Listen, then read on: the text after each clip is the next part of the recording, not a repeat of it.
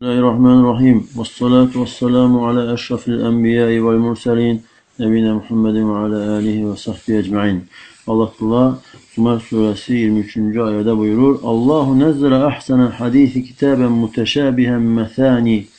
Allah en güzel sözü en güzel sözü yani Kur'an'ı birbirine okşar yani ayeleri birbirine okşar, benzer, haberler, hikayeler birbirine okşar ve e, tekrarlanan yani hikayetleri, haberleri, emirleri, qadağanları, vəd və təhdidləri tekrarlanan bir kitap şeklinde nazil etdi. Yani ondan, yani Kur'an'dan, Kur'an'ın təhdidlərindən, Rəbbindən qorxanların tükləri biz-biz olar, ətləri ürpəşər. Sonra Allahın zikrindən sonra, öyüd nəsihətlərdən sonra ürəkləri və dəriləri yerinə qaydar. Yerinə gələr. Qorxular gedər. Yəni, bu Quran Allahın e, hidayətidir, doğru yoludur. Yəhdi bihi mən yəşəu və Allah bununla istədiyini hidayət edir, doğru yola yönəldir. Və mən yudrilillahu fəmə lehu min həd və kimi də Allah yəni azdırarsa, yardımsız buraxarsa, onu hidayət edən olmaz. Həmçinin Allah Teala e, İsra surəsində 9-cu ayədə buyurur ki: "İnne hadzal Qur'ane yehdi lillatihi aqwam və yubashshirul mu'minina ya'maluna s-salihati enne lehum ecran kebira." Həqiqətən bu Qur'an ən doğru, ən doğru, ən düzgün yola yönəldir və yaxşı işlər görən möminlərə isə böyük bir mükafata nail olacaqları ilə müjdə verir. İsra surəsi 9-cu ayə. Və Quranın fəziləti haqqında Peyğəmbər sallallahu əleyhi və səlləm Müslimdə gələn hədisdə buyurur, Əbu Umamə Əl-Bəhlidən rivayet etdiyi hədisdə deyir ki, Peyğəmbər sallallahu əleyhi və səlləm belə buyurmuşdur: "İqra'ul Quran." Quranı oxuyun. "Fəinnehu yəti yevmel qiyamati şəfi'an li əshabihi." Həqiqətən Quran qiyamət günü sahiblərinə, yəni onu oxuyub əməl edənlərə şəfaətçi kimi gələcəkdir. İqra'u əz-Zəhraveyn iki Zəhraveyni oxuyun. Zəhraveyn, yəni iki şiddətli işığı olan, nuru olan oxuyun. Bəqara və Əli İmran surəsini. Fə innəhumə tə'tiyən yevməl qiyaməti kəənnəhumə qamamətən. Yəni bu ikisi, yəni Bəqara və Əli İmran surəsi qiyamət günü gələcək sanki iki bulut kimi. Əv kəənnəhumə qayayətən və yaxud da yəni o da buluda bənzər bir şey insanın başına yaxın kölgə verən şey kimi gələcəkdir. Əv kəənnəhumə firqani min tayrin savafə və yaxud da iki e, saf-saf duran quşların dəstəsi kimi gələcəkdir. Tuhaccani an ashabihimə yəni sahiblərinə e, şahid olacaqlar. Sahiblərini müdafiə edəcəklər. İqra'u suratul Bəqara Sonra Peyğəmbər sallallahu əleyhi və səlləm buyurur ki, Bəqərə surəsini oxuyun. Fə innə axdaha barakə. Həqiqətən onu götürmək, yəni onu öyrənmək, təkrar-təkrar oxumaq, mənalarını başa düşmək, tədəbbür etmək bərəkətdir. Onu götürmək bərəkətdir. Və tərkəhə hasratun tərk etmək isə həsrətdir. Yəni qiyamət günü insan həsrət çəkəcək. Və la tastati'uhal batala. Və batala o ilə bacar. Batala kimlərdir? Bəzi e, şərhdə deyir ki, yəni tənbəllər, bəzi şərhdə isə sehirbazlar, yəni sehirbazlar bacarmır. Yəni hədisi Müslim rivayet edib. Sonra yenə də İmam Müslimin e, səhihində Əbu Hureyra radiyallahu anh deyir ki, Peyğəmbər sallallahu aleyhi ve sellem buyurmuşdu ki, Eyyuhibbu əhadukum izə raca'a ilə əhlihi ən yecidə fihi thələsə xalifatin izamin siman. Sizdən biri istəyərmi ailəsinə, evinə qaydanda orada, yəni evində üç nəhəng, e, kök, yəni qarnında balası olan dəvə görsün. də Üç dənə kök, nəhəng, qarnında balası olan hamilə dəvənin evində olmasını istəyərmi? Dedi ki, bəli, ya Rasulallah, Peyğəmbər sallallahu əleyhi və səlləm dedi ki: "Fətələsu ayatin yaqra'u bihinna ahadukum fi salatihi." Sizdən birinizin namazında oxuduğu 3 ayə xeyrun lehu min thalasi xalifatin izamin siman. Onun üçün 3 e, nəhəng kök və e, qarında balası olan dəvədən daha xeyirlidir. E, və həmçinin Abdullah bin Məsud radiyallahu deyir ki, Peyğəmbər sallallahu əleyhi və səlləm buyurmuşdu ki, "Mən qara harfan min kitabillah." Kim Allahın kitabından bir hərf oxuyarsa, fələhu bihi hasenə ona onun üçün bir həsənət vardır. Vel hasenatu bi aşri amthala. Bir həsənət də 10 misli ilə verilir. La aqulu alif lam mim harfun. Demirəm ki, alif lam mim bir hərfdir. Velakin elifun harfun və lamun harfun və mimun harfun. Lakin elif bir hərf, ləm bir hərf, min bir hərfdir. Yəni bunu Tirmizi rəvayət etmişdir. Sonra Allah Teala buyurur Əraf surəsi 170-ci ayədə وَالَّذ۪ينَ يُمَسِّكُونَ بِالْكِتَابِ O kəslər ki, kitabdan bərk yapışırlar. Və əqamu salat namazı doğru düzgün qılırlar. İnnə lā nudiyu əcrəl muslihin. Həqiqətən biz islah edənlərin, muslihlərin e, əcrini, mükafatını zay etməliyik. Və Abdullah ibn Amr e, radiyallahu anh deyir ki, Peyğəmbər sallallahu aleyhi ve sellem buyurmuşdu ki, yuqalu li sahibil Qur'an. Qur'an sahibinə, yəni Qur'anı öyrənib, e, oxuyub, təkrar-təkrar oxuyub, mənalarını başa düşüb tədəbbür edib əməl edənə deyiləcək ki, iqra vartaqi, qiyamət günü deyiləcək ki, oxu və yüksəl. Varattil və tərtillə aram-aram oxu. Kəmə kuntə turattilu fid dünya. Necə dünyadakən sən aram-aram oxuyurdun. Fə innə mənzilətəkə ində əxiri əyətin təqavuhə. Həqiqətən sənin mənzilin, dərəcən, yerin oxuduğun axırıncı ayədədir. Sonra Allah Taala Zumər surəsi 9-cu ayədə buyurur ki: "Əmmən huve qanitun əna'əl-leyli sacidan və qaiman yahtarul axirata və yercu rahmete rabbih. Qul hal yestavi'l-lezine ya'lemun ve'l-lezine la ya'lemun innema yetezekkeru ulul albab." Məgər axirətdən qorxan, Rəbbinə, yəni Allahın mərhəmətinə ümid bəsləyən, səcdəyə qapanan və qiyamda olan, yəni gecə vaxtlarında ibadət içərisində olan müti bəndə başqası ilə, yəni bir ola bilərmi? Kafirlə bir ola bilərmi?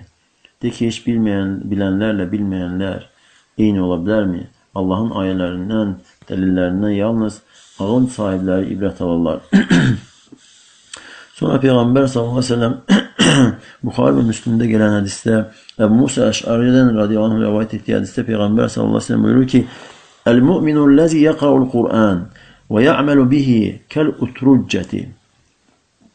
Quranı oxuyub ona əməl edən mömin utruccə kimidir. Utruccə nədir? Utruccə meyvədir, e, limona bənzəyir, e, biraz e, ağacı iri meyvədir, e, ağacı iridir və limondan biraz fərqli, e, dadı turşdur.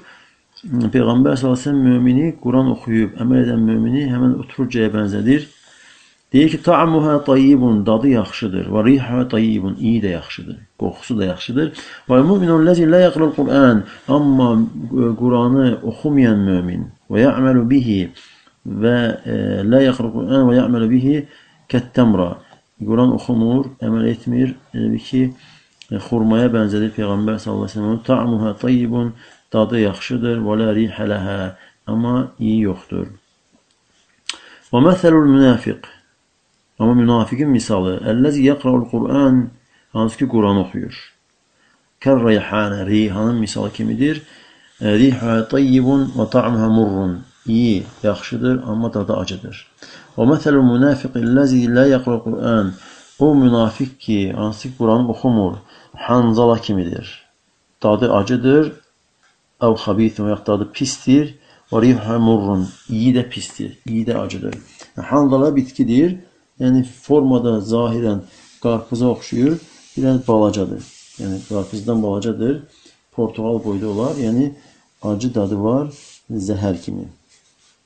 E, sonra e, Ayşə radiyallahu anh deyir ki, Peyğəmbər sallallahu aleyhi ve sellem buyurmuşdu ki, Əl-mahiru bil-Qur'an ma'as-səfəratil kiramil bərara والذي يقرأ القرآن ويتتعتع فيه وهو عليه شاق له أجران Quranda mahir, yəni Quranı mahir oxuyan, Quranı yaxşı bilən, e, gəzən, hörmətli, e, səfər edən mələklərlə bərabərdir.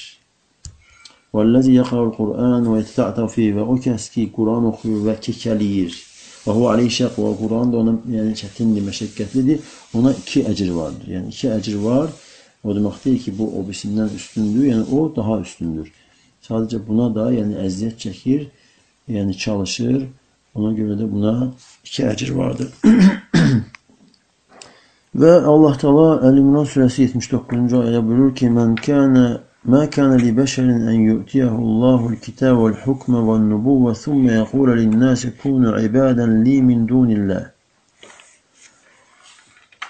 ولكن كونوا ربانيين بما كنتم تعلمون الكتاب وبما كنتم تدرسون Heç bir kəsə yaraşmaz ki, Allah ona kitab verib, hikmət verib, peyğəmbərlik verib, sonra o insanlara desin ki, Allahı buraxıb mənə qul olun. Əksinə o e, öyrətdiyiniz kitabın və öyrətdiyiniz və öyrəndiyiniz şeyin sayəsində Rabbani mükəmməl olun, yəni mükəmməl elm və əməl sahibi, gözəl əxlaq və itaət sahibi olun. Və Osman radiyallahu anh deyir ki, Peyğəmbər sallallahu aleyhi ve sellem buyurmuşdu ki, Xeyrukum mən təalləməl Qur'anı və alləmə sizin xeyriniz Quranı öyrənib onu öyrədəndir. Buxar rəvayət etmişdir. Mənim üçün Uqba ibn Amir radiyallahu anh deyir ki, Peyğəmbər sallallahu aleyhi ve sellem biz Suffada olduğumuz vaxt çıxdı. Suffa meçidin yanında yəni üstü bağlı bir yer idi. Orada yəni e, qalırdılar, elm öyrəndilər. Yəni e, evləri yox idi. Kasıb müsəlmanlar idi. Peyğəmbər sallallahu əleyhi və səlləm ki, "Eyyukum yuhibbu an yaghduwa kull yawmin ila budhan." Sizdən hansı istəyir? Hər gün budhan tərəfə getsin, əv ilə aqiq və aqiq tərəfə. Fəyəti minhu binaqatayn kawmamayn, kawmawayn və oradan iki yəni iki dəvə ilə gəlsin, iki dəvə gəlsin, iki böyük hörgücü olan, iki hörgüclü dəvə, yəni dəvənin böyük olmasına dəlalət edir. İki hörgücü varsa dəvə iridir, yaxşı canlıdır. Fəqəri ismi və qata'at rahimə günahsız və qohumluq əlaqələrini kəsmədən dedi ki, ya Rasulullah biz bunu istəyirik. Peyğəmbər sallallahu əleyhi və səlləm buyurur ki, əfələ yağdu və ahadukum iləl məscid sizdən birisi məscidə səhər vaxtı, yəni günortadan əvvəl gedərsə, fəyələmu əv yaqra'u ayətin və orada iki ayə öyrən və yaxud oxuyarsa Allahın kitabından xeyrun lehu min naqateyni onun üçün iki dəvədən daha xeyirlidir. Və thələthun xeyrun lehu min thələsin. Üç dəvə, üç ayə öyrənməsi üç dəvədən daha xeyirlidir. Və arba'un xeyrun lehu min arba'in və dörd ayə oxuyub öyrənməsi dörd dəvədən daha xeyirlidir. Və min a'dadihinnə minəl ibli. Yəni ayələrin sayı qədər dəvələrin sayından da ucu xeyirlidir. Hədisi Müslüm rivayet etmişdir. Sonra Allah Teala Ənfəl surəsi 2-ci ayədə buyurur ki: "İnneməl mu'minunəllezina izə zukirallahu vecilet qulubuhum" Möminlər yalnız o kəslərdir ki, Allahın adı çəkiləndə ürəkləri qorxudan titrəyər. Və idə tuliyyət aleyhim əyətuhu zədətuhum imən. Onun ayələri onlara oxunanda onların imanını artırar. Və alə rabbihim yətəvəkkəlun. Onlar Rəblərinə təvəkkül edərlər. Əllezine yuqimuna s-salata və mimma razaqnahum yunfiqun. O kəslər ki, namazlarını lazımınca, doğru düzgün, vaxtı vaxtında qılarlar və bizim verdiyimiz ruzidən də xərcləyərlər Allah yolunda. Ulaikə humul mu'minun haqqa. Məhz onlardır həqiqi möminlər. Ləhum dərəcətun ində rabbihim və məğfiratun və rizqun kərim. Onlar üçün Rəbbi yanında dərəcələr vardır. Və onlara qiyamət günü bağışlanma və cənnətdə ruzi gözləyir, yəni tükənməz, gözəl ruzi gözləyir. Sonra Müslümün e, səhində e, e, Əbu Hureyra radiyallahu anh rəvayət etdiyi hədisdə Peyğəmbər sallallahu əleyhi və səlləm buyurur ki: "Mən nəffəsə an mu'minin kurbatan min kurabid dunya nəffəsallahu anhu kurbatan min kurabi yawmil qiyamə."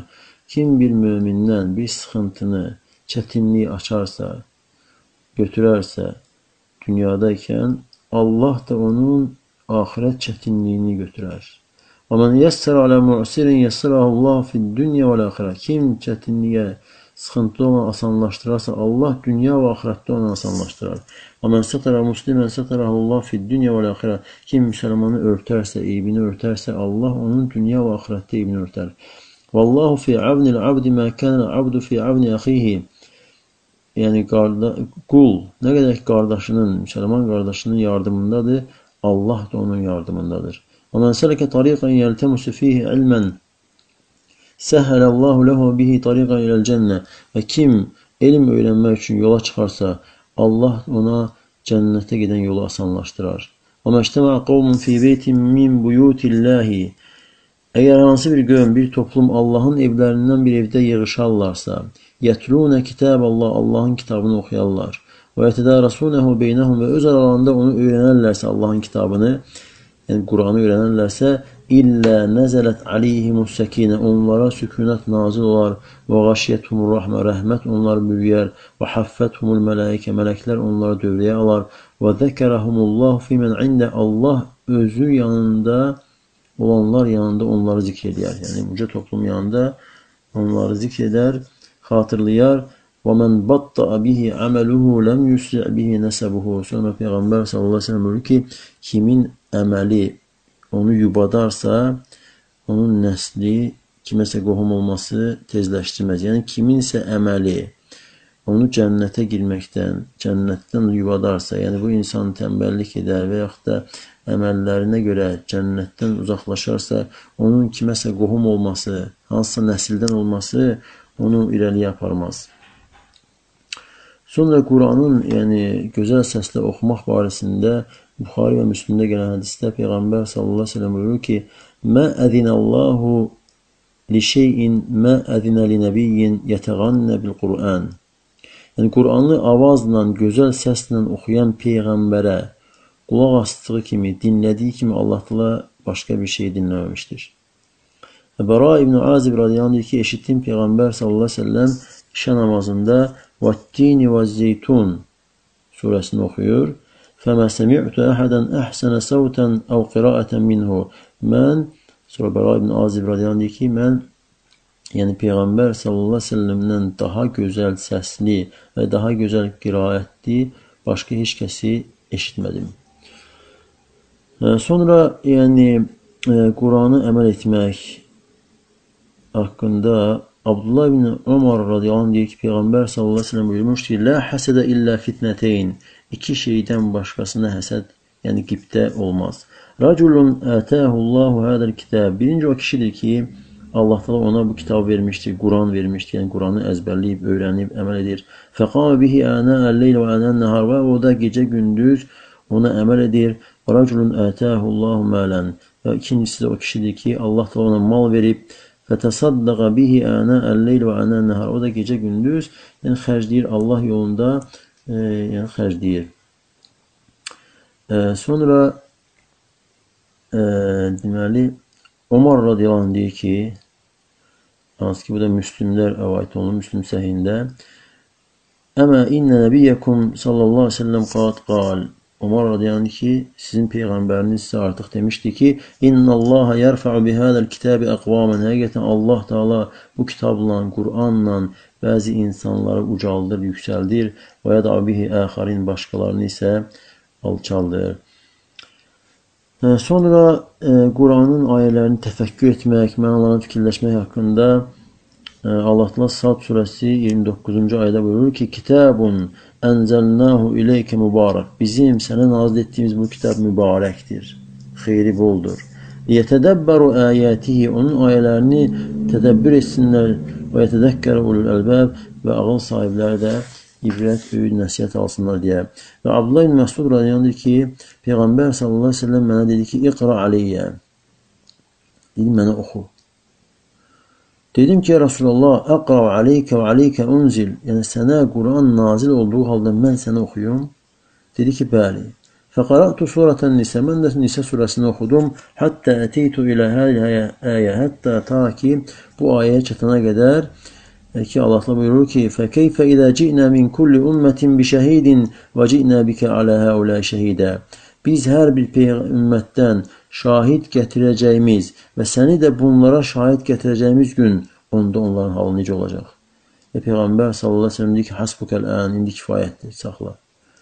Fəltəfəttu ileyhi fə idə aynahu tədrifən və ona baxdım, Peyğəmbər sallallahu əleyhi və səlləmə çevrilib baxdım və gördüm ki, gözlərindən yaş gəlir. Buxari Müslim rivayet edir. Sonra Quranı hifz etmək, əzbərləmək və onu təkrarlamağın e, fəziləti haqqında Allah Teala buyurur Əraf surəsi 170-ci ayədə وَالَّذِينَ يُمَسِّكُونَ بِالْكِتَابِ وَأَقَامُوا الصَّلَاةَ İnnə lə nudiyu əcrəl muslihin. O kəslər ki, kitabdan bək yapışarlar və namazı doğru düzgün, vaxtı vaxtında qılarlar. Həqiqətən biz, yəni islah edənlərin, əməllərini, özlərini islah edənlərin əcrini zay etməliyik. Əbu Musa Əş'ari radiyallahu deyir ki, Peyğəmbər sallallahu əleyhi və səlləm buyurmuşdur ki: "Təahhadu hadal Qur'an." Bu Qur'anı təkrarlayın. Fəvəllazi nəfsu Muhammedin biyədi. Muhammedin nəfsi əlində olan Allaha and olsun ki, ləhvə əşəddu təfəllutən minəl ibli fi uquliha. Yəni bu e, kəndirdə bağlı qalıb dəvənin açılıb qaçdığından daha da şiddətli qaçır. Yəni təkrarlanmasa Quran, əməl olunmasa qalmır, gedir. Abdullah ibn Umar radiyallahu anh ki, Peyğəmbər sallallahu aleyhi ve sellem buyurmuşdu ki, İnnəmə məsəlü sahibil Qur'an kə məsəlil ibilil muallaqa. Quran sahibinin misalı, sahib yəni yoldaş, dost, yəni daim Quranla olduğuna görə əməllə, e, qiraətlə, mənalarını başa düşməklə ona görə sahib deyil Quran sahibi. Yəni Quran sahibi, yəni Quranı öyrənib əməl edən, onu əzbərləyənin misalı bağlı dəvələrin misalı kimidir. İn ahədə aleyhə əmsəkəhə. Əgər onun sahibi təkrar-təkrar nəzarət eləyərsə, baxarsa, daim e, nəzarətində olarsa, onu saxlayar. Və in atlaqəhə zəhəbət. Yox, əgər elə buraxsa, o da gedəcək. Buxarı Müslüm rəvayət edilməsi. E, sonra e, və Fatihə surəsinin də ümumiyyətlə fəziləti haqqında ayrıca hədis var. Həmçinin İxlas surəsini və başqa surələrin ümumiyyətlə yəni Quranla e, məşğul olmaq daimi olmalıdır ki, həm yadda qalsın, unudulmasın, həm də bərəkətli olsun. E, yoxsa insan təkrarlamasa, yəni vaxtaşırı həm unudar, həm də e, bu ayəyə daxil olar, hansı ki Allah Taala e, Furqan surəsində yəni qiyamət günü olacaq şeylər haqqında xəbər verərkən deyir ki: "Və qalar Rasul ya Rabbi inne qavmi ittəxadu hadal Qur'ana məhcura." Peyğəmbər deyəcək ki: "Ya Rəbbim, mənim qövmüm Quranı tərk etdi." Yəni Peyğəmbər sallallahu əleyhi və səlləm bizdən Allaha şikayət edəcək. Ona görə Allah Taala bizi müvəffəq eləsin. İxlasla.com saytı tərəfindən təqdim olundu.